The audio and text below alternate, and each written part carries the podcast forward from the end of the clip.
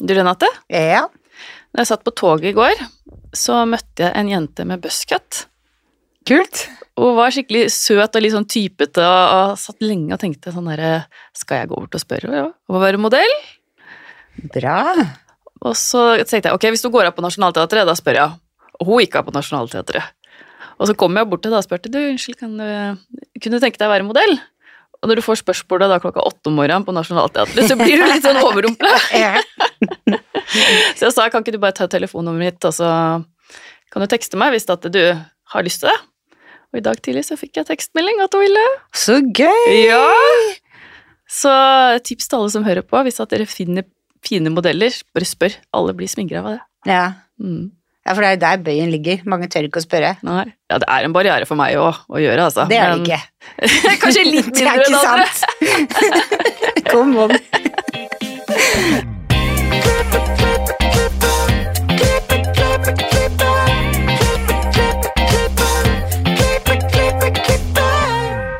Velkommen til Årpodden.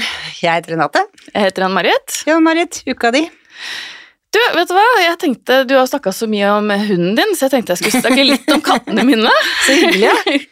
For jeg har to katter, Birma-katter, Warren og Vidal, som er oppkalt etter Warren Buffett og selvfølgelig Vidal Sassoon. Selvfølgelig.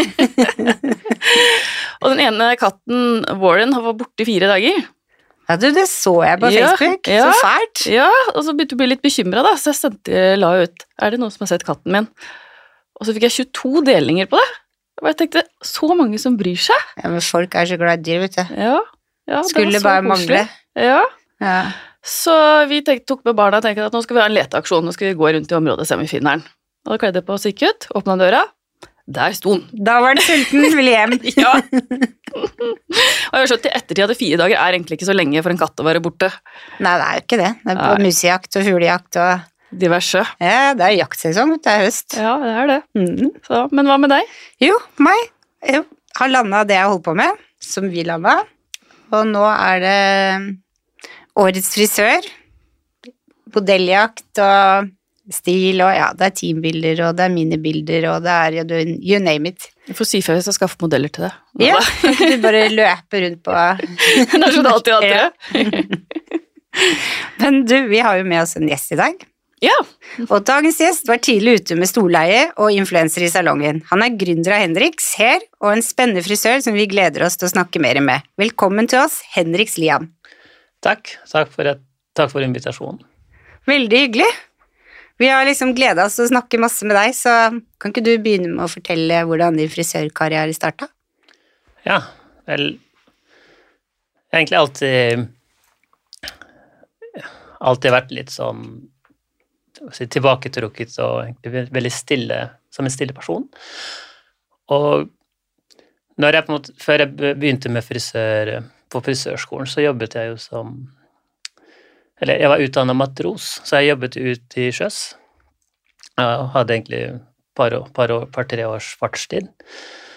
Men jeg fant ganske tidlig ut om at uh, hvis jeg skulle få til Eller hvis jeg skulle utvikle meg sjøl, så er jeg nødt til å komme meg litt ut av denne, min komfortsone med å, å egentlig ikke være så innadvendt. Så begynte jeg å se etter hva slags type jobber man kunne eh, ta, eller begynne på. Og da var jeg veldig opptatt av å finne en jobb der jeg kunne jobbe direkte med mennesker.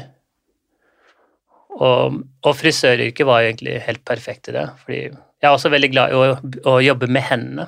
Og se på en måte at jeg skaper noe sånn fra, fra A til Å.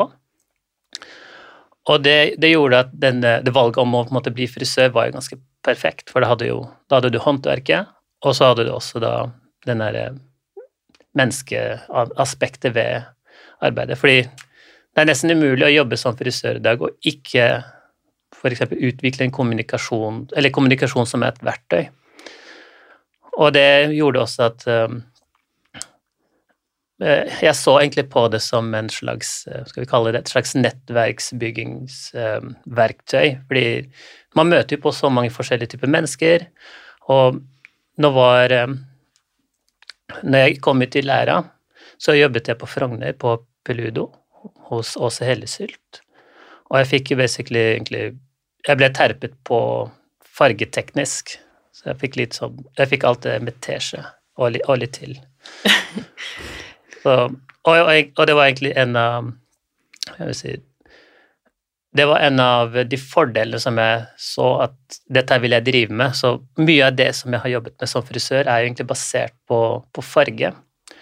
Og det, og det som er ofte er med farge, er at særlig nå, man, det man ser ut i det man ser både i sosiale medier og egentlig det som, er, det som trender, er jo Og det har vært lenge, dette med lange, litt naturlig, liksom naturlige fargen. Og det var egentlig det som jeg fokuserte på fra så å si fra tidlig fase. Men på den tiden så var ikke det en uh, greie. Jeg følte på en måte at det var veldig mye mer eh, Det var ikke så veldig mye RTV, eller sånn ready to wear-type frisyrer, var mer dominert av den edgy type frisyrene. Og, det, og jeg var egentlig ikke jeg, jeg likte mer den der mye mer den franske skal vi si, franske hårmoten. Mye, mye penere, eller skal vi si penere og litt mer Litt mer eh, Skal vi si elegant. Ja. Mm. Mm. Hvilket årstall var dette her? Dette var i skal vi si, 2002, Ja. så det er snart 20 år siden. Eller det er 20 år siden! ja. ja. Man er liksom i fornektelse, her, blir ikke det? ja, ikke sant? Fortsatt 29! Men hvor lang tid tok det liksom før du følte at du var ute av den komfortsona du snakka om? Ja, det var ganske med en gang, fordi Ja. så fort de kom ut i lære, så var det jo rett på det å ha en god kommunikasjon med folk, både kunder og eh, kolleger. Og så er det gjerne sånne tilstelninger med events og visninger og diverse kurs. Og det gjorde at eh, det, det var en helt annen hverdag enn det å jobbe, jobbe på båt, i hvert fall. Eller eh, på den tiden så var det Jeg ville jo ikke jobbe ut eh, så, Eller jeg ville jo ikke jobbe på dekk som matros, så jeg havnet egentlig i byssa, eller inn på kjøkkenet istedenfor. Og etter hvert kanskje litt sånn ut i resten av båten. Så jeg ville egentlig gjøre Jeg ville jo ta tak i dette med å komme meg ut blant folk, så jeg kunne bearbeide denne kommunikasjonsdelen. Så det er egentlig litt Det er nesten merkelig å tenke at siden jeg, jeg prater jo ganske mye med folk i dag, og um, kanskje til og med krangler med folk jeg, jeg, er veldig, jeg er veldig konkurranseinnstilt på mange måter, og jeg har en Jeg liker på en måte å, å gå gjennom hva slags oppfatning man har av visse ting. Så jeg går litt mer eh, analytisk gjennom ting for å se hva er det som egentlig Hva er det som foregår her, istedenfor å bare eh, akseptere at ting er sånn som det er. Så jeg liker, jeg liker å finne ut av ting. Da er du nysgjerrig Jeg er kjempenysgjerrig. Ja, det er så bra egenskap. Men Eh. jeg, hvis, jeg tenkte også at jeg kan jo ikke bare holde ting for meg sjøl, for det, man har gjerne en sånn indre dialog. Og det som man ofte vil, at man kanskje får delt disse ideene og se om det, om det treffer hos folk. Og jo mer eh, kanskje utviklet disse ideene om Særlig dette med Det, det, er egentlig litt mer i retning personlighets um, At man kjenner på en måte sin egen personlighet. Så begynte jeg egentlig å se også dette her blant både kunder og kolleger, at her, det er et eller annet Det er en eller annen slags rød tråd som går igjennom alle uh, blant befolkningen, og at vi har basically type mennesker. Mm. Og de reagerer forskjellig på forskjellige ting. Og det er derfor man kan ha en, en og samme situasjon hvor folk ville reagert helt, eller helt forskjellig fra hverandre. Og det er litt dette med Særlig når vi stengte ned for to år siden, så var det jo basically to forskjellige reaksjoner som man så. De, den ene siden sa nå må, nå må vi få nå må vi på en måte få kontroll på ting, slik at, på en måte ing, at, at vi kan sikre alle. Så har du den andre siden som sier nei, nei, vi vil gjerne ha friheten til å gjøre det vi måte, ønsker, og ikke, ikke kom her og begrense oss. Så basically en, en slags eh, balansegang mellom kontroll og, eh, og kaos. Mm. For noen ville ha muligheten til å gjøre eller til å være fri, mens den andre ville sikre, altså ha kontroll. Og det er sånn På mange måter så er det ofte det som man ser blant folk når man, når man på en måte skal kommunisere med dem. Hvordan reagerer de på frykt? Eller ja, for det var basically det det var.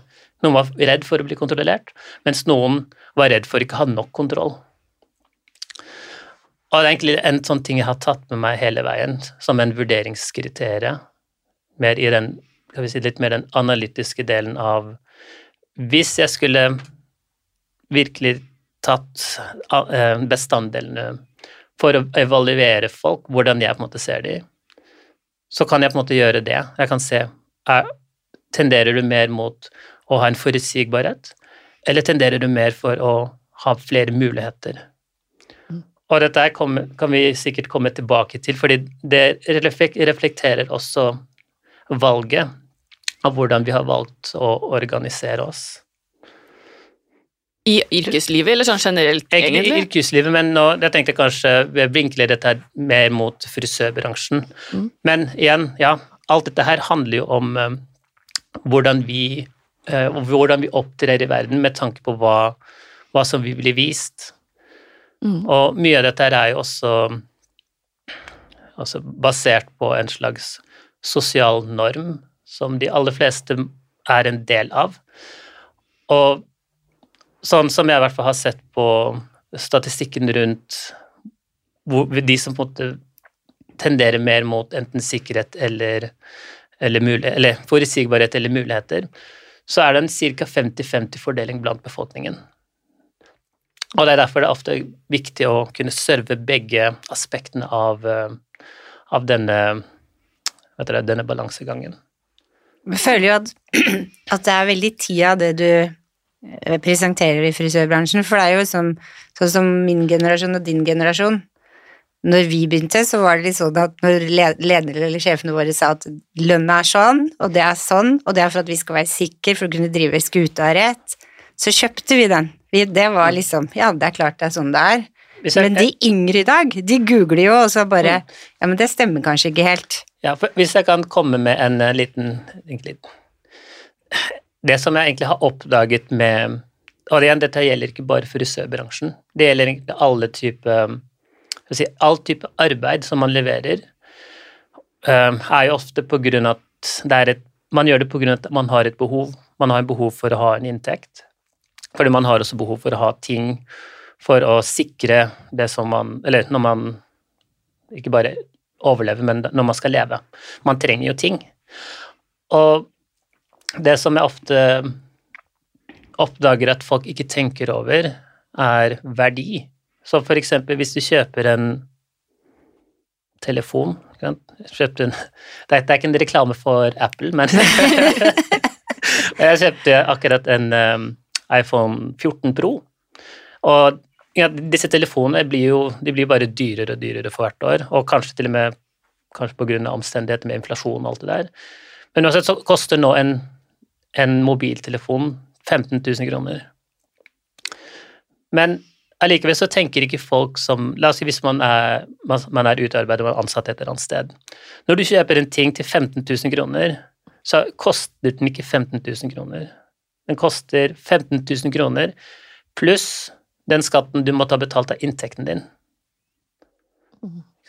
Og det, Gjennomsnittsskatten i Norge er på 35% eller personskatt er på 35 i tillegg til at du da betaler denne personskatten, så har også arbeidsgiveren din betalt arbeidsgiveravgiften, OTP, HMS-kostnader Og man kan tenke at disse tingene er kostnader, men egentlig så er det bare en skatt, fordi det blir holdt av til Og så blir det på en måte betalt en eller annen form for sikkerhet i fremtiden.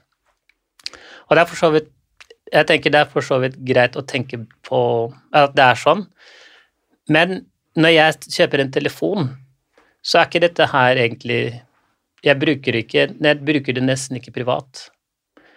For, for stort sett så er jeg, jeg ofte, ofte på jobb, og da er dette her for meg et verktøy. Og siden jeg har en bedrift, så er dette her en kostnad for bedriften.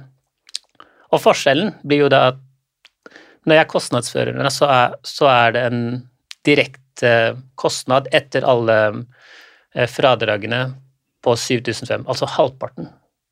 Så du kan tenke deg når du summerer alle skattene på denne telefonen som da du har betalt 15 000 kroner for i butikken, så er det egentlig en sum nærmere rundt 28 000-29 000 for en telefon som koster 15 000. For, det, man, for man må på et tidspunkt tenke på, som, som jeg nevnte i stad, verdi. Hva er verdien av det du kjøper? Så fra en kostnad på 28 000 og ned til 7500, så er det over 20 000 i differanse. Så det, hvis man regner det om til prosenter, så snakker vi om et påslag, eller skattepåslag, på 239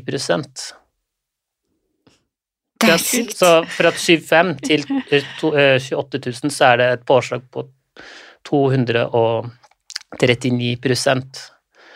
Og jeg tenker at sånn som dere også opplever, siden dere jobber jo med sosiale medier, så er jo dette her et verktøy Mm. mer enn annet. Det er ikke, vi snakker jo ikke på telefon lenger.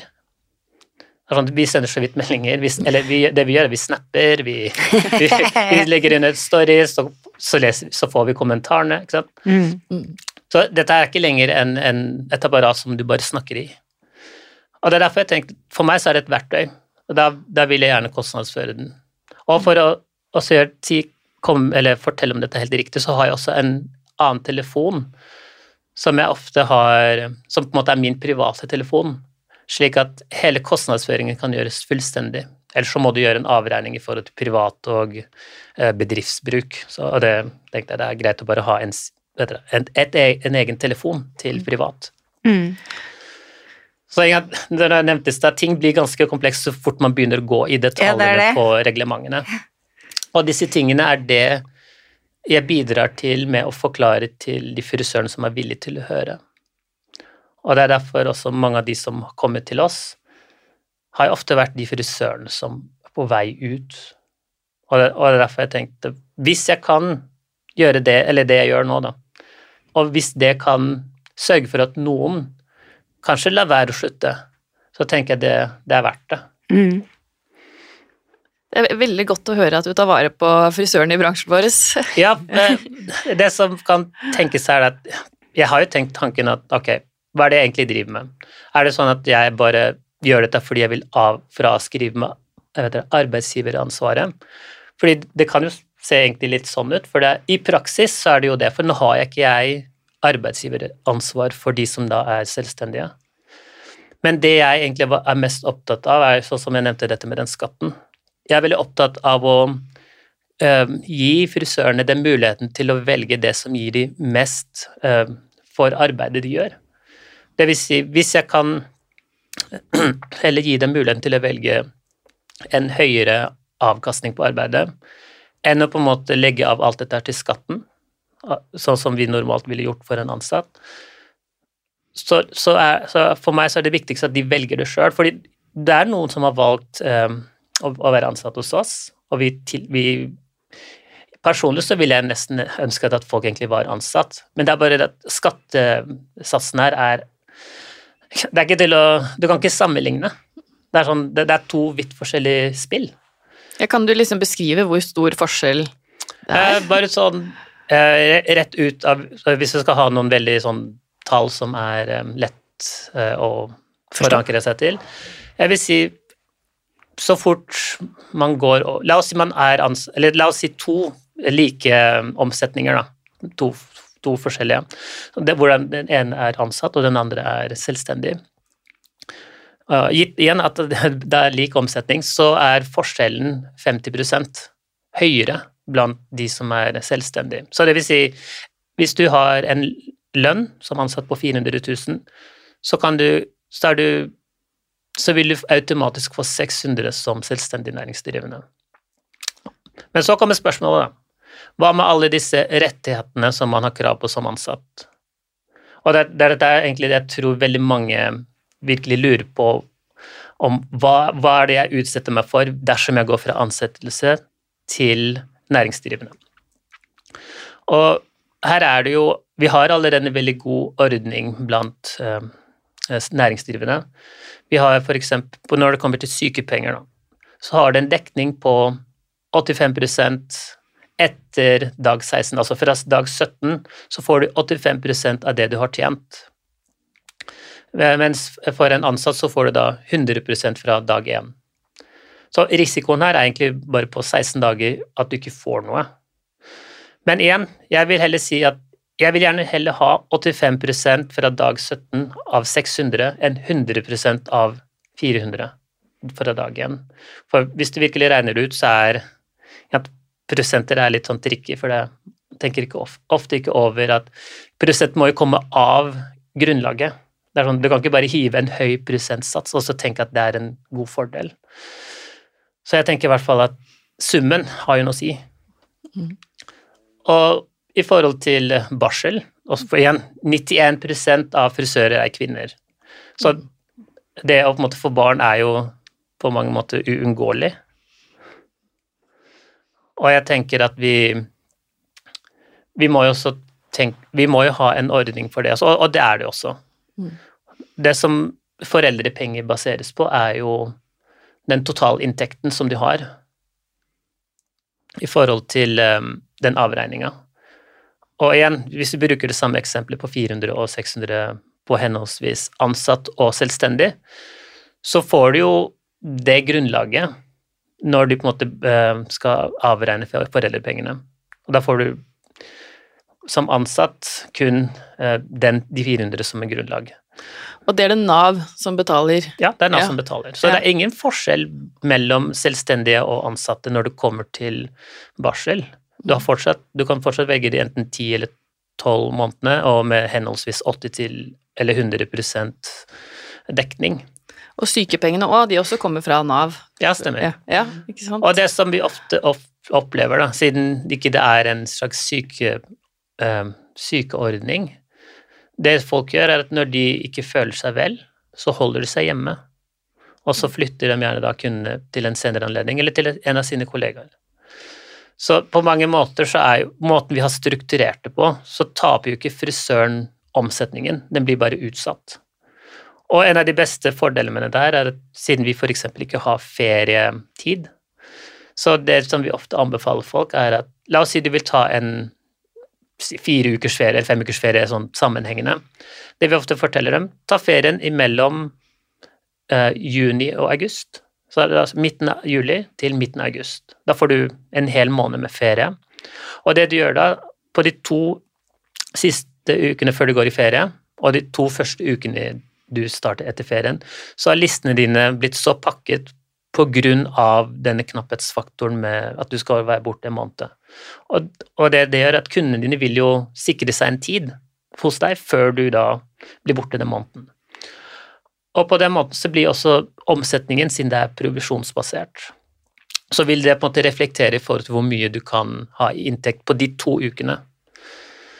Og nå skrev jeg til og med et innlegg for kanskje en uke siden hvor jeg har en kollega som i løpet av en måned eh, hadde en, en inntekt på 120 000 før skatt. Og, og, det er sånn jeg, jeg, så, var, så, ble det selvfølgelig spørsmål ja, men hvordan skjedde dette her, da, hvor, hvor mye jobba hun? Og hun jobba 210 timer den måneden. Men det, man, det man må forstå, er at dette her er noe denne frisøren valgte å gjøre. Det var ikke sånn at nå må du jobbe 210 timer denne måneden her. Uh, og om ikke annet så er det egentlig Vi har jo et problem med at vi ikke får folk til å jobbe nok. Så hvis, hvis man skulle jeg vil si, toucha på noe av dette her, så er det nesten Se på hvordan fikk man til at folk faktisk ville jobbe mer? Og jeg kan si at dette er kanskje en av de største problemene vi har med, med frisørbransjen, og egentlig arbeid generelt nå, som det ser ut som, er at inntekten er, er Jeg vil ikke si nødvendigvis at den bare er lav, det er bare at premissene som vi bruker, er lave. Altså, vi, vi setter veldig lave mål, mens det vi på en måte heller har valgt å gjøre, er at vi har redegjort for folk hva de kan få hvis de faktisk gjør jobben. Altså hvis du, hvis er villig til å ta ansvaret for det. Og det som jeg ser, er at folk er villige til å jobbe så lenge de ser at de får noe ut av det. Men man må vise det til folk, fordi alt dette med tall, eh, prosenter og, og til og med disse skal vi si, de enkle regningene. Det, det, er ikke åpenbart for folk at det er sånn det foregår. Fordi det er som jeg nevnte med den skatten, folk vet ikke, eller de tenker ikke over at de betaler så og så mye for ting de skal ha. Mm. Ja, nei, jeg skal si meg enig med det, og jeg heller tenker jo ikke på den måten som du eh, snakker nå, med tall og sånt. Det har jeg ikke reflektert noen ting over, så dette syns jeg var kjempeinteressant å høre på.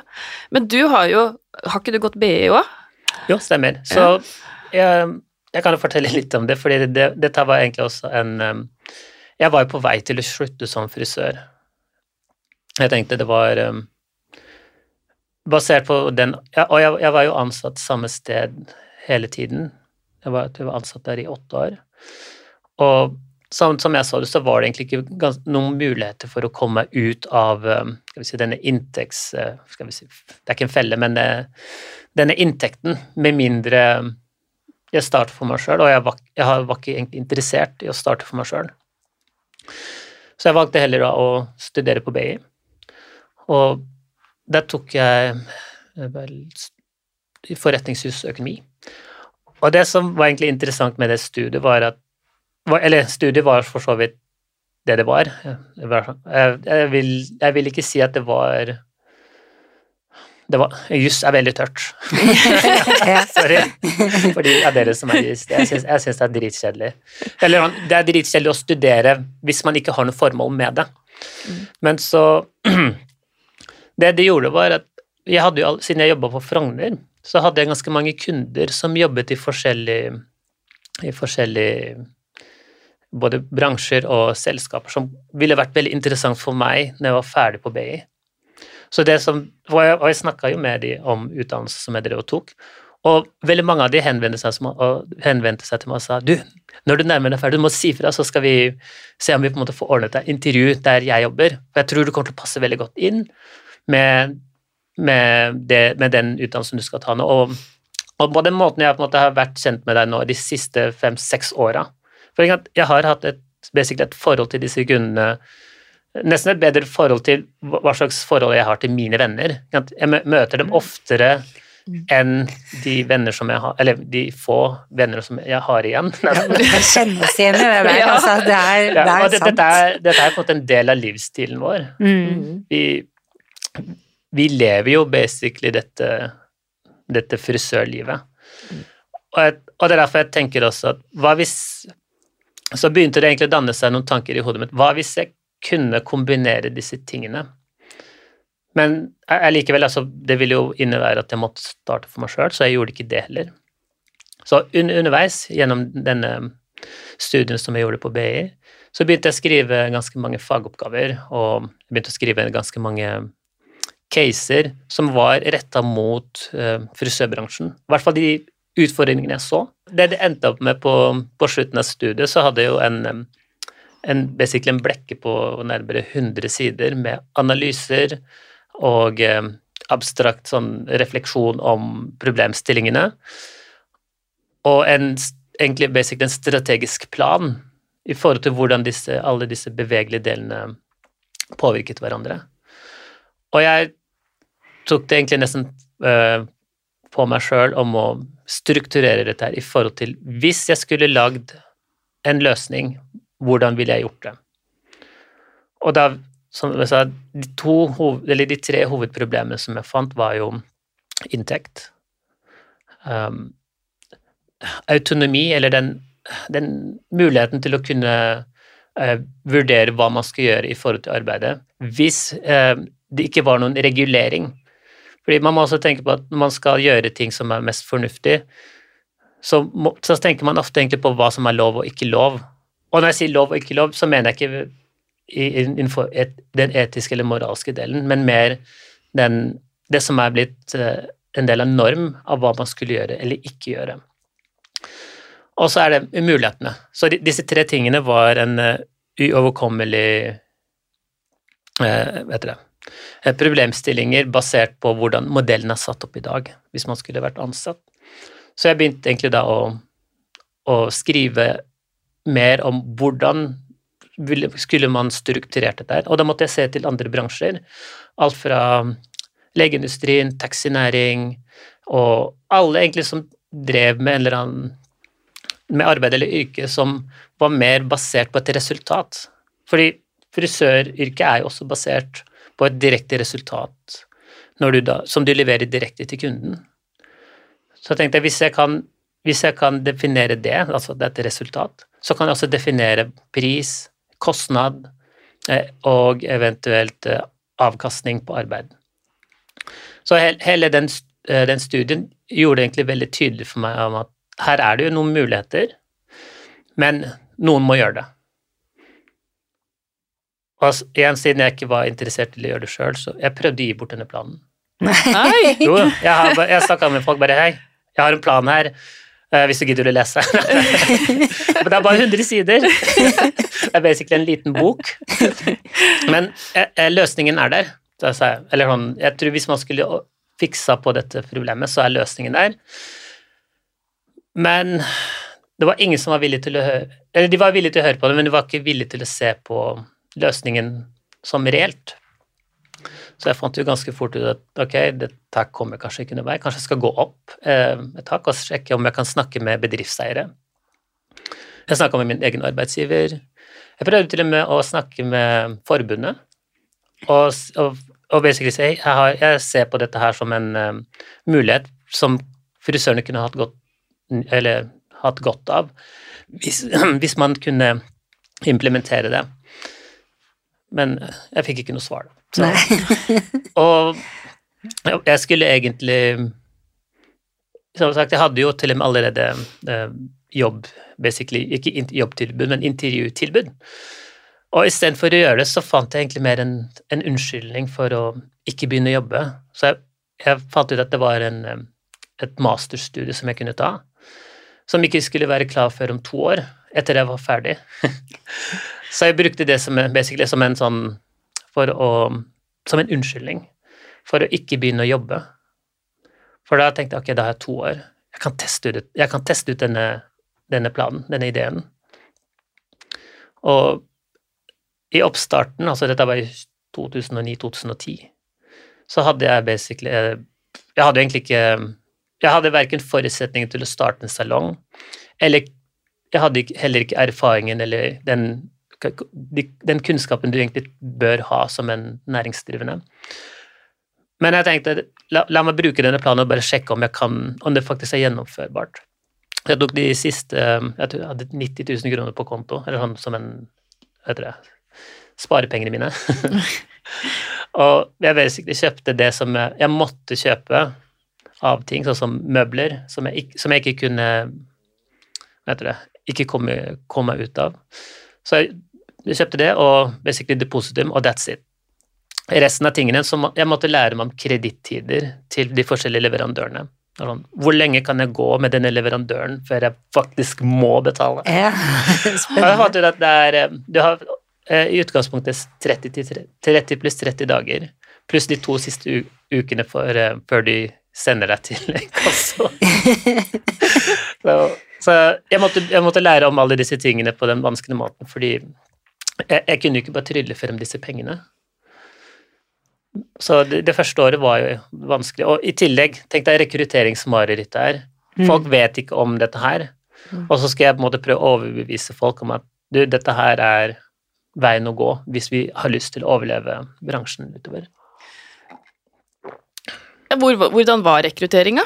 Tok det lang tid å få ansatte Ja, du, det var, eh, det var et mareritt. Ja, ok. Nei, fordi jeg var foruten eh, min første kollega, Karina, hun, hun fulgte jo meg fra Puludo, så hadde jeg egentlig vi hadde, vi hadde egentlig ingen på hvert fall nærmere nesten et år. Vi, vi klarte ikke å rekruttere noen. Mm. Men etter hvert så ble det jo vi, vi fikk egentlig tak i folk som var villige til å høre på dette her, og basically syntes det var at det ga litt mening. Og så var det, var den tiden eh, blogg, bloggere ble en greie. Ja. Så vi kan egentlig kanskje komme inn på det, for det er egentlig Det var så mange som ikke eh, helt forsto hva som egentlig skjedde mellom 2009 og 2010. Og personlig, Jeg visste ingenting om Eller jeg visste hva blogg var, men jeg visste ikke på en måte at det var, var at det var en greie. Og Måten vi, jeg strukturerte markedsføringen min på for salongen, var jo å fokusere på søkemotoroptimalisering. Sånn som eksempel når du søker på si frisør eh, Majorstua eller frisør Drammen eller et eller annet, så vil du ofte havne på en, en rangering i forhold til hvem som, eh, hvem som på en måte er høyest. Da, eller, og jeg sørget for at vi havnet på topp tre til enhver tid. Og det gjorde at folk fant oss når man søkte på frisør i Oslo. Og det samme gjorde jo bloggerne. La meg finne en frisør i Oslo. Dette var jo unge mennesker sånn mellom jeg vil si 16 og 20. Og de var blant de første som fant oss, fordi det var allerede Det var jo på en måte der rett foran dem når de søkte. Og dette var før noen egentlig tenkte over at, er, at man kunne bruke det. De aller fleste bruk, brukte jo kataloger sånn som Gule sider, 1881 og, og, og, man betalte ganske mye penger for det. Mm. Og jeg, jeg, hadde ikke, jeg hadde ikke 300 000 til å betale meg en topplassering på Gule sider. Så det endte det med at de fant oss der, og så, og så kom Karina også med Det var hun som hadde med seg eh, var fotballfrue på den tiden, eller Karoline Berg Eriksen. Ja. Og det var egentlig sånn ting bare Det var sånn det starta.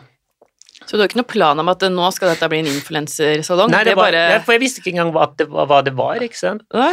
Men Men, det er det som er gøy, da. ja, men jeg oppdaget ganske fort at dette her er jo en uh, veldig effektiv kommunikasjonsverktøy, og særlig til disse yngre kundegruppene som man ofte snakker om at det er så vanskelig å nå frem til. Og en av grunnene til at jeg ville nå frem til de litt yngre kundene, var at jeg tenkte jo yngre de er, jo lengre hår har de. Og jo, bedre, jo mer kan vi på en måte gjøre med fargingen istedenfor klipningen. Og det passet så bra med det som jeg fokuserte på også, farge. Mm. Og til slutt Eller også endte det vi også med å starte et eget extensions-merke.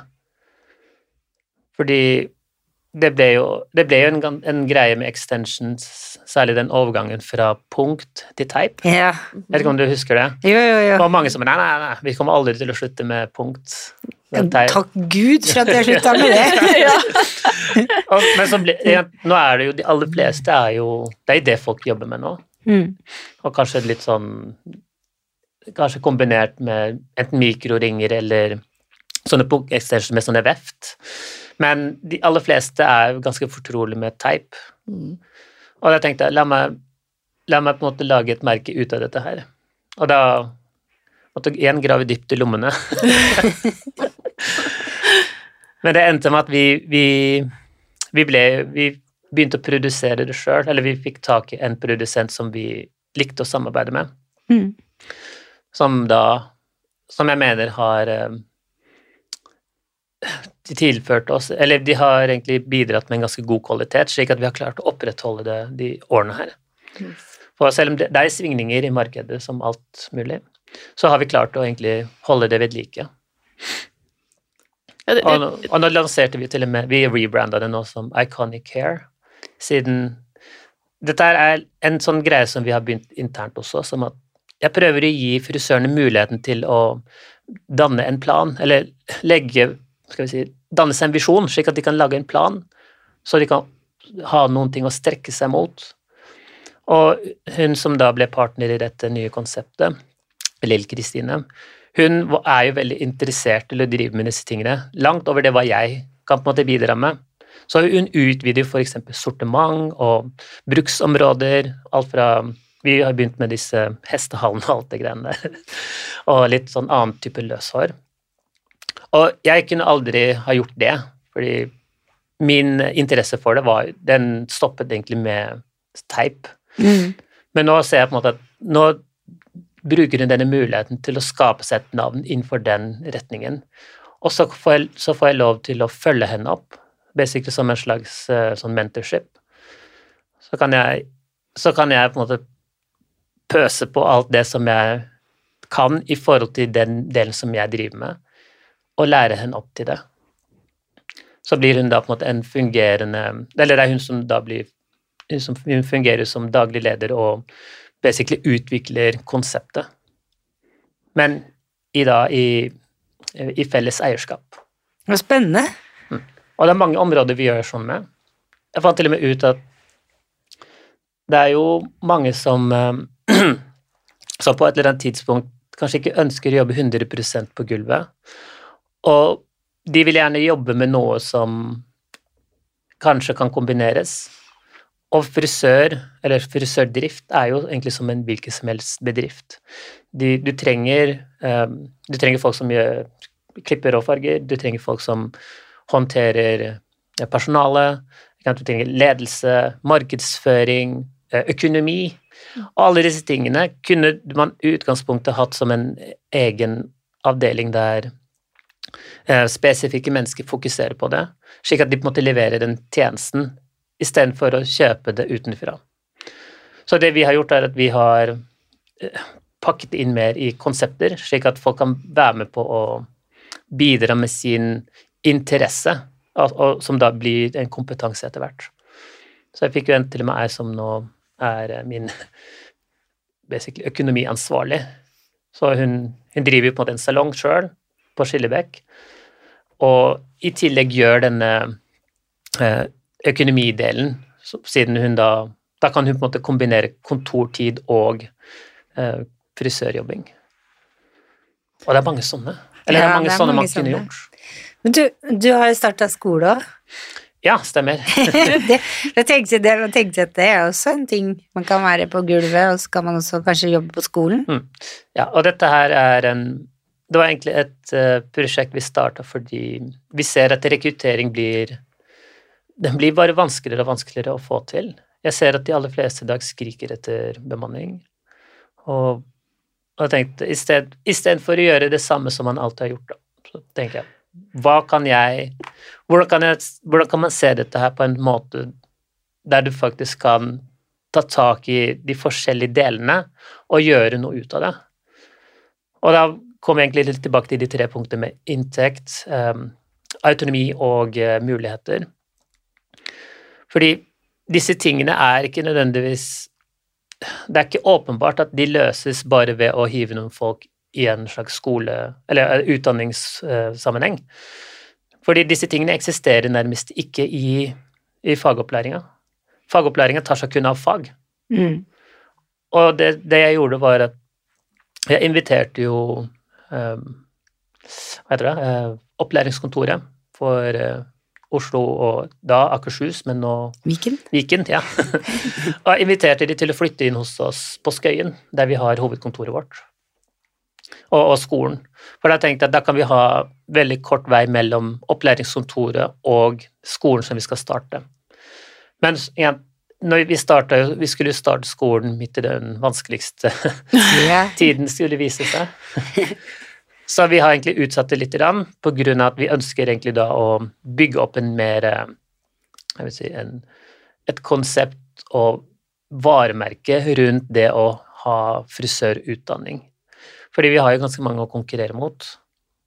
Mm. Og jeg ser jo at eh, Eller i hvert fall ut ifra det som jeg fikk tall fra både Utdanningsetaten og fra opplæringskontoret, så har vi jo i utgangspunktet nok folk som begynner på frisørlinja, men vi har bare ikke nok som gjennomfører. Så, det er det som er problemet, at de gjennomfører ikke. Ja, eller, Skolen, liksom. Mm. Ja, eller de som begynner på skolen, gjennomfører ikke. Så av 1100 elever, så er det kun i overkant av 500 som gjennomfører. Ja, for det er jo, det er jo en del som bruker det som et sånn springbrett videre, som ikke vil bli frisører òg, som havner i hvert fall på de off altså offentlige. Mm. Men jeg tror også det handler litt om å gjøre det spennende, gøy, for elevene å være på skolen. Mm. Tenker jeg. Altså, du har jo Det har i hvert fall jeg opplevd det er praksis.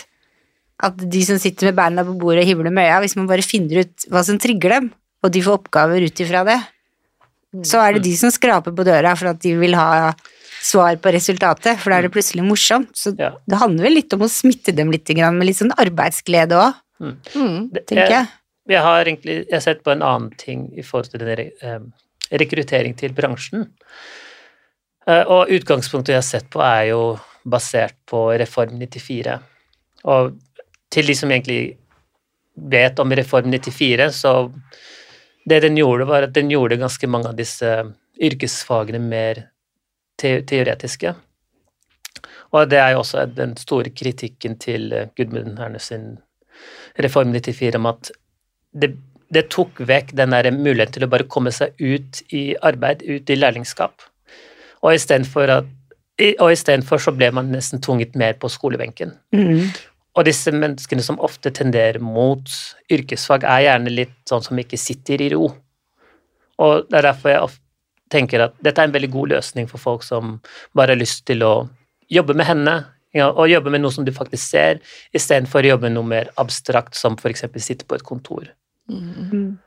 Men sånn har jo også hele samfunnet vårt beveget seg. Vi har beveget oss mer mot denne høyere utdannelsesjaget, som jeg tror har gitt den, den formen for utdannelse, altså høyere utdannelse, en, eh, en fordel om at det, det, er mer attraktivt av at det, det, blir på en måte mer høy status å bare ha en kontorjobb, istedenfor å faktisk uh, skitne til hendene. Mm. Og det er, det er en av grunnene til at jeg tenker at jeg kunne aldri sittet på det kontoret. Og jeg, til og med nå, jeg klarer ikke å sitte på kontoret sjøl, for jeg vil gjerne ut i arbeid. Jeg vil gjerne se hva jeg faktisk driver med. Enig, synes, enig med det. Ja, snakke med folk. Ja, jeg syns man skal ha muligheten til det, uten at det egentlig man, man må tenke på dette her når, når, du gjør en så stor endring i utdanningssystemet, så vil dette forplante seg i folks eh, kollektive både ubevissthet og bevissthet. Og det som har skjedd her, er at vi har basically gitt en forrang til høyere utdannelse istedenfor å se på totalen om at vi trenger begge partene. Vi trenger folk som gjør jobben, så trenger vi folk som administrerer. Mm. Men som sagt, nå har vi blitt et administrasjonssamfunn, og det er derfor vi også har så mange reguleringer. Som ofte fører ja, ofte, I hvert fall sånn som jeg ser det med skatten. Det er det som ofte fører til at vi har mye mer høyere skatt. For det er så mange flere som vil falle utenfor. Jeg vet ikke om dere egentlig visste dette her, at for, Eller nå, eller jeg vet ikke om det er Du vet det har vært tall fra 2020. Så hadde vi 450 000 uføre. Det vil si folk som er i arbeidsfør alder, altså mellom 18 til 67, som ikke er i arbeid. Og når du har ca. 3 millioner mennesker som, skal, som, er i denne gruppa, så utgjør det 13-14% av befolkningen som ikke er i arbeid. Ja, det er helt sykt. Det er mye, altså. Ja, og jeg forstår at noen selvfølgelig er uføre, mm. men jeg nekter å tro at 13% av befolkningen er det. Er det. Eller om ikke annet, så er det i hvert fall ikke, det, det er noe som er påført, ikke nødvendigvis medfødt. Mm. Eller man, man, man tenker at noen blir jo født med utfordringer som kanskje ikke er, som er uoverkommelige. Men mange av disse tingene er ofte basert på livsstil, tror jeg. Mora mi sa alltid til meg at lediggang er rota til alt dumt. Jeg Ja. gjorde faktisk det når jeg skulle slutte. Jeg slutta på skolen. Jeg sneik meg ut og jobba i frisørsalong, jeg fikk ikke lov. Da når hun fant ut fraværet mitt, så slang hun sånn telefonkatalog på rommet og sa 'bare ring, du skal ikke være hjemme'. Så fikk jeg lærlingplass to måneder etterpå.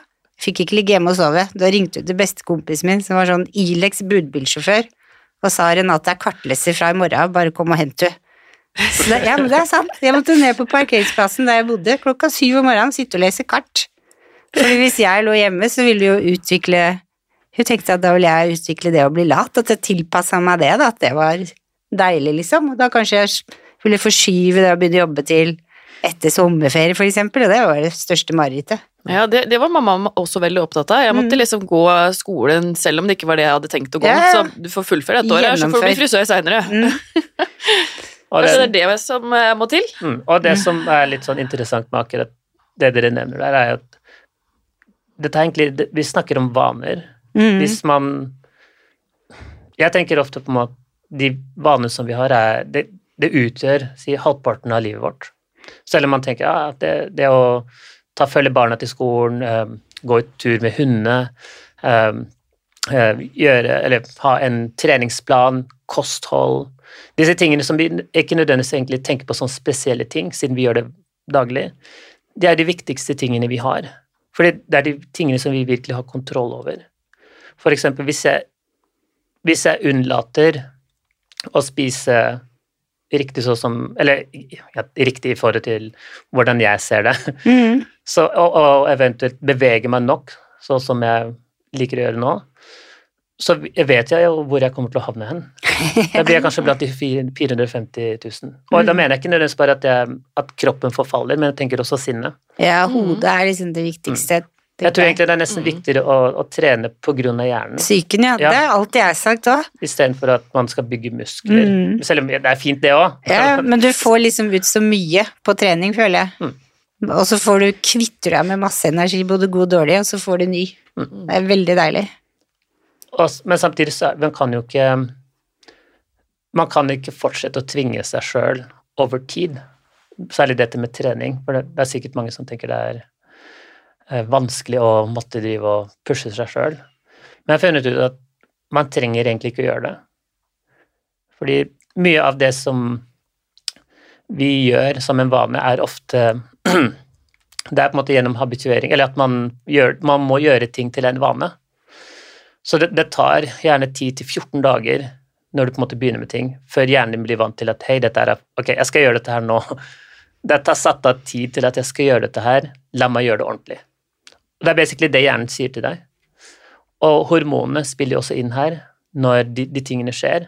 Og det er derfor kosthold igjen er så viktig å ha kontroll over, slik at du har de, den riktige hormonbalansen for å, for å igjen ikke tvinge deg sjøl til å måtte gjøre de skal vi si, riktige tingene. Og Så- Så alt tallene handler om vaner, ja, alt slett? alt annet vaner. Når, eller, hvor mye sover du? Når legger du deg? Når står du opp? Hvor mye lys får du? Ikke sant? Sånne basale ting som egentlig er kjempeviktig å, å tenke over. Sånn for, og, ikke sant, alt det vi har, er jo forhold til både, enten ting eller mennesker. Sånn, de vil gjerne ha et godt forhold til enten enten mann eller kone, eh, og barna sine, og, og hundene og kattene. Ikke glemme de!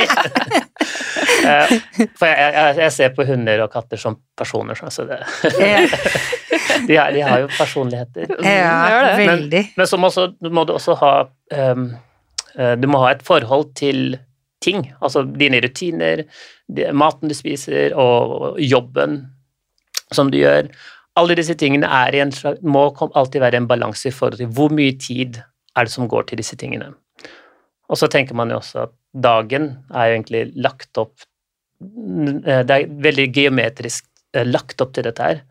Fordi av de 24 timene vi har, så har du, da kan du dele det i tre, hvorav du sover åtte timer, åtte timer jobb, åtte timer fritid. Jeg vet ikke om du har tenkt over det, at den balansen Ja, er egentlig. Den er lagt opp eh, så geometrisk for oss. Den er, helt, den er likt delt. Og når du kommer utenfor disse tids, eller det tidsforbruket, så blir det ofte uh, kommer det ubalanse. Hvis du ikke sover nok, eksempel. Det er det første som vi ofte gjør. Så da ender det med at du gjør mest sannsynlig ting som du kanskje ikke ville gjort hvis ting var i balanse. Som eksempel bruk av eh, alkohol og rus er ofte en ting som jeg opplever er et, en stor utfordring, fordi eh, når, når man ikke sover, eksempel, så er det ofte en grunn til det. Og det er, det er ofte noen bekymringer. Og hva gjør man når man bekymrer seg? Man prøver å eh, komme seg i en komfortsone. Og for noen så er jo selvfølgelig dette her en komfortsone med å innta alkohol. Mens altså, når jeg er bekymra, så spiser jeg. jeg er ikke så veldig god på drikking, men eh, jeg, jeg spiser gjerne for å på en måte berolige meg sjøl. Men du, jeg kan også gjøre det med, da kan jeg også gjøre det med trening. Altså med ikke egentlig en vanlig trening, men lavintensitetstrening. Jeg fant ut at lavintensitetstrening er ofte det som medfører til større produksjon av endorfiner. Og endorfiner er egentlig det som maskerer vår smerte. Så alt som plager oss, blir ofte dempet når man har god eh, eh, balanse med denne med endorfinene. Så lavintensitet det, er, det, det har i hvert fall for min del, som er så urolig, det har Mm. løst veldig mye for meg. Det er fantastisk. Ja. Det, det er litt sånn rart, for under pandemien så kunne man ikke gå ut og trene annet enn ute i naturen eller hjemme. Mm. Og så det er ikke noe mer enn eh, må, eh, To måneder siden så hadde jeg korona, så satt jeg og tenkte hjemme, hva var det så jeg ble så glad før? For nå har jeg jo treningsstudio hjemme. Mm. Så, å, det jeg melder meg inn i EVO! Bare å få seg ut noen ganger i uka, og også kunne trene hjemme. Bare sånn For å se folk, høre på musikk, bare la hodet flyte, Mm. få ny energi. Og så blir du glad igjen. Og så blir du trøttere, så da får jeg sove mer. Og så spiser du mer riktig sånn i forhold til hva jeg trenger. Jeg kan ikke hoppe over måltider fordi det er stress på jobb, for jeg må ha mat. Mm. Og det er det, så, altså, du, du vil jo La oss si hvis du skal trene optimalt, Mm. så må du også spise ja, om ikke helt optimalt, i hvert fall mer optimalt. Mm. Fordi kroppen kommer til å kreve det for Mer, å ja. restituere. Mm. Og det er derfor Hva er det man egentlig gjør? Man, man begynner egentlig med noe som så La oss si det er, er en problemstilling som henvender seg til deg. Fiks det. Sånn, det, det er så lett å ta tak i sånt. Det er derfor jeg nevnte dette med rutiner. Det er så lett å ta tak i det. Du ser det daglig. Mm. Som for eksempel en Når det kommer til mat, da. Siden jeg på en måte er Siden jeg har liksom det, den utfordringen, så, så, så begynte jeg med fasting. Ja, sånn intermental Ja, ja det har jeg lest om. Eller sånn da, det, Du faster liksom i løpet av dagen. Mm. Og det det gjør, er at det gir meg en rutine for ikke bare ikke nødvendigvis hva jeg skal spise, men når jeg skal spise. Mm. Og igjen, dette, det her er det også et hormon tilknytta, eh, grillin. Grillin forteller deg ofte det, om at eh, Ikke at du er sulten, men at nå må du spise. Fordi du pleier å spise på denne tiden. Så, Ja, si, så begynner det å rumle i magen. Men det er egentlig ikke på grunn at du er sulten. Det er mer av at vanen din tilsier at du pleier å spise klokken åtte, klokken tolv og klokken fire. Ja, frokost, lunsj og middag. Mm. Men det som jeg har lært, eller det som man lærer når man faster, er at ja, de tre-fire første dagene er ubehagelige, men etter det så forstår kroppen at oi, shit, det er det vi skal gjøre, så jeg skal slutte å minne deg på denne spisegreia. Mm. Ja, det er fascinerende. Ja, det er det. Og det er, sånn- jeg tenker at det er verdt å forsøke. Mm. Jeg vet ikke om eh, Har du lest det derre de, de, de kommer med sånne anbefalinger til kreftsyke om å faste. Fordi fasting er også med på å bryte ned disse um, cellene våre som har, som har begynt å produsere feil, eller sånn, det er egentlig det som da skaper kreft, når den begynner å gjøre ting den ikke skal. Og det den gjør når du faster, er at kroppen går i en slags krisemodus, og så skal den da brenne av alt som den kan, siden det kommer jo ikke inn noe mat. Og da bryter den ned først disse proteinene som da kanskje er feilkoda, som Oi. begynner å oppføre seg rart. Det er ofte sånn du danne syster. Og det som skjer der, at når La oss si sånn som nå, det er fra, faktisk fra og med i dag, så, har, så skal jeg gå gjennom en sånn 72 timers faste. Så tre døgn med uten mat, bare Wow. drikke. Det var derfor du så på klokka med kaffe? ja, Så gøy! Nei, men kaffen var litt annerledes fordi jeg, jeg liker ikke å drikke kaffe over en viss tid. For, um, jeg vet ikke om du visste at kaffe sitter jo eh, lenge i kroppen. Og til og med etter tolv timer etter konsum så har du fortsatt 25% av effekten av koffein. Og det er derfor jeg tenkte, hvis jeg nå drikker kaffe si etter tolv, da, Mm. klokken tolv midt på natta, eller sånn 11-12, så har jeg fortsatt omkring 25% koffein i systemet. Mm. Og koffein er jo det som Det gjør jo oss eh, Det oppkvikker oss, ikke sant. Det gjør oss mer eh, på. Får jeg får hjertebank hvis jeg Ja. Jeg veit at jeg kan ha to kopper på morgenen, og jeg bør ikke overstige det i det hele tatt. Ja, så- Kanskje én er best. Ja, så jeg opplever ofte at folk tar kaffe etter et vet, middag. Ja, det, det, det det kan jeg forstår jeg ikke. Da får ikke jeg sove. Nei, så, så er litt var på kaffe. Vi har noen faste spørsmål til deg også. Ja. Har du noen tips til frisører som vil opp og fram? Um, ja Vel Som jeg nevnte, så så vi starter egentlig programmet for folk gjennom nesten en slags spesialisering. Så det vil si at hvis det er noe som de virkelig trives med å gjøre, så har det ofte en vilje til å gjennomføre, eller gjøre den hele tiden. Og det er basically det som egentlig driver folk til å bli bedre og bedre på spesifikke områder. Mm. Så egentlig spesialisering og vise det frem. Ha en eller annen form for um, tilnærming til så, eksempel sosiale medier, og kanskje for noen som da kanskje ikke er så veldig på det med bilder og videoer, skriv det. Altså, jeg, jeg gjør jo det. Jeg skriver istedenfor å jobbe så mye med sosiale medier. Selv om jeg kan sosiale medier-biten også, fordi siden jeg ikke hadde markedsføringsavdeling sjøl, så måtte jeg bygge opp den der Instagram-profilen som vi har, på egen hånd. Eller selvfølgelig med hjelp fra våre andre frisører. Uh, og denne spesialiseringsdelen, den er med på å gjøre det på en måte både tydelig for deg hva du egentlig er god på, hva du, hva du vil drive med, i tillegg til at det viser potensielle interessenter om at her er det en person som gjør noe som er så bra at, jeg, at de blir nærmest tiltrukket av det. Så det er varemerkebygging. Mm. Individuell varemerkebygging. At folk måtte har eh, skal vi si en sin eh, At de på en måte satser på seg sjøl i, i, i, den grad at de faktisk utvikler noe som de vil kalle sin spesialitet. Det var veldig bra tips. Hva inspirerer deg? Mm, ja, som igjen i stad, så jeg snakker veldig mye om folk. Um, jeg tror at jeg, er mye mer opptatt av mennesker enn ting. Så egentlig jeg er litt sånn Jeg, jeg vil heller um, Jeg jobber veldig mye med personlig utvikling. Som, eller for min egen del, igjen med dette med rutiner, finne ut hvordan fungerer ting. Men og jeg gjør det egentlig mest på grunn av at jeg vil gjerne jeg vil gjerne bli bedre til i morgen. For jeg vet ikke hva som kommer til å komme mot meg av utfordringer. Men jeg vet at det kommer utfordringer. Og det som inspirerer meg, egentlig, er at jeg, at jeg på en måte får muligheten til å bruke den tiden til å bli Eller til å forberede meg. Så det, det er også en del av Så hvis man tenker på min, min personlighet, så er jeg veldig Jeg er egentlig veldig introvert. Jeg, jeg, tror egentlig folk ikke tenker over det siden jeg gjør de tingene jeg gjør, men det har tatt meg lang tid. Det har tatt meg 20 år. Mm. På, på måte, jeg har, eller jeg har stirret i skyggen min i 20 år nå for å finne ut hva er det som egentlig foregår i det dypeste mørket.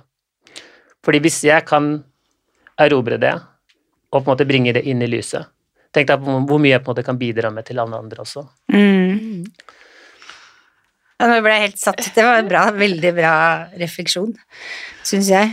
Ja, det, man får mye tid til det når man, når man gjør den introspekt... Jeg, jeg, er i hodet mitt hele dagen. For det, det, er der jeg på en måte vanker. Så. Mens jeg vet at de alle sånn som, I motsatt retning da, så er det mange som heller vil omgi seg med folk.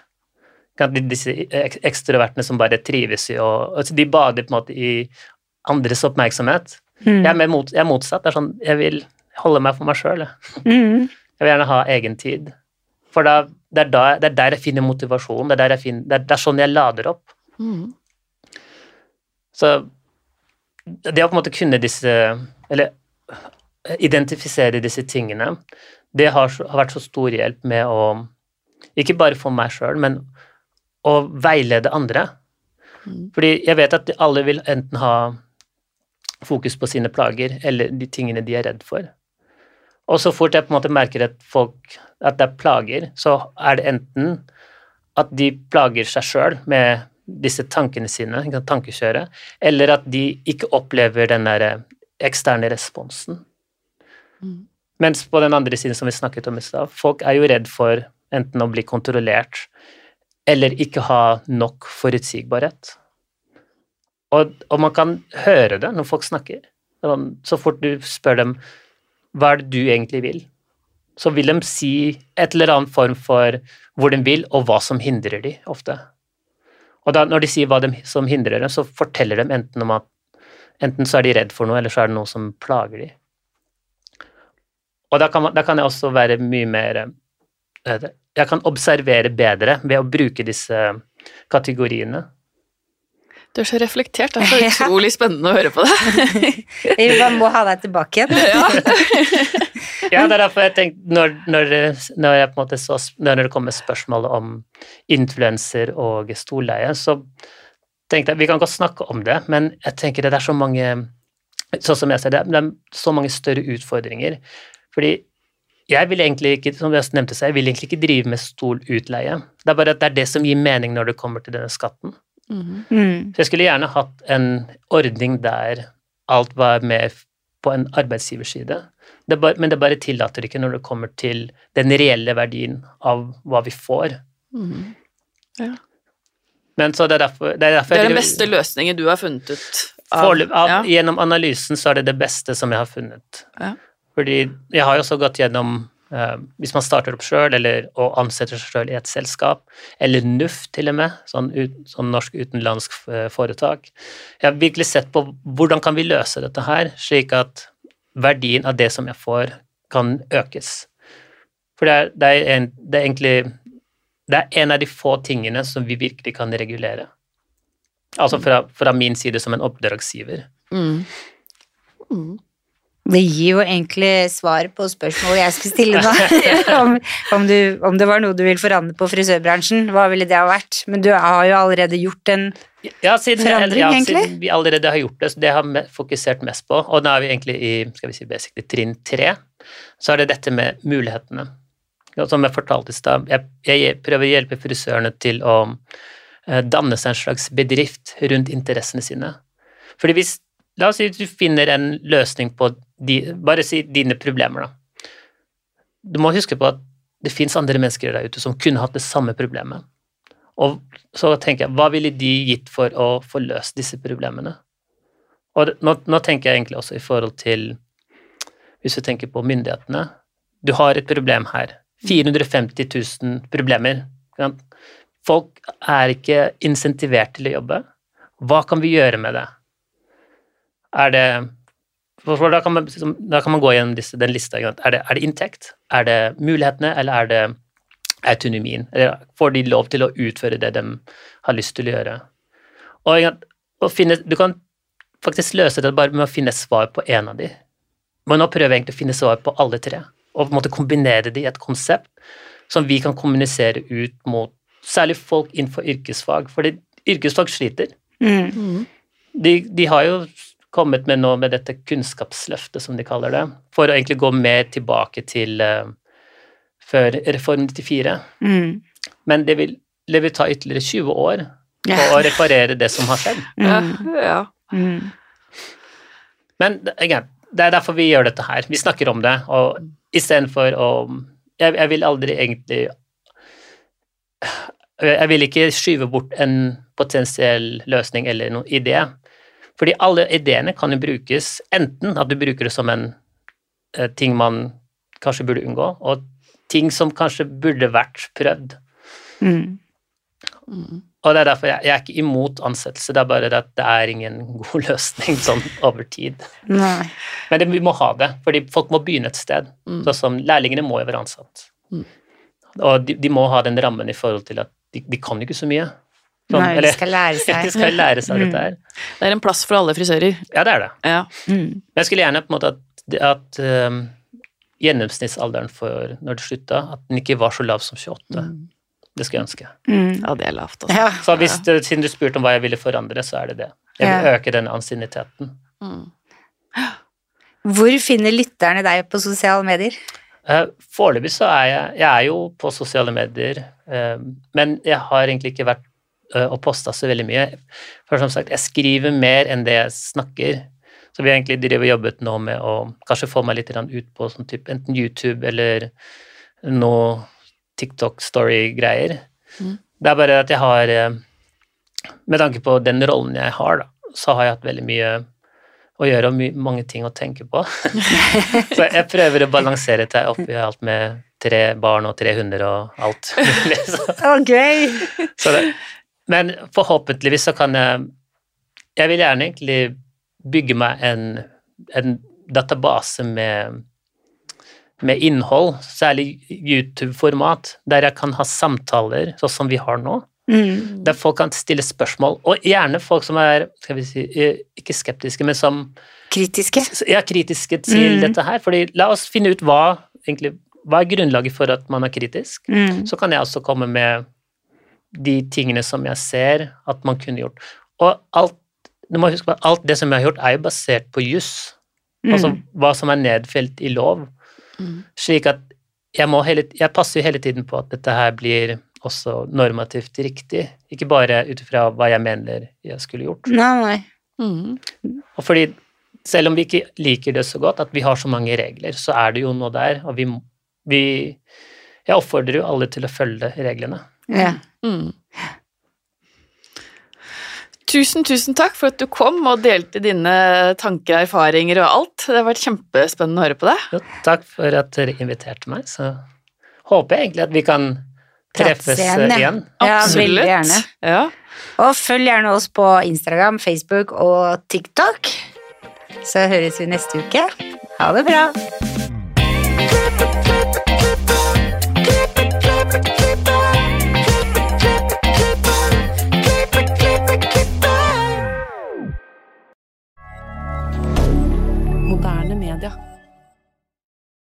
Har du et enkeltpersonforetak eller en liten bedrift? Da er du sikkert lei av å høre meg snakke om hvor enkelt det er med kvitteringer og bilag i fiken, så vi eh, gir oss her, vi.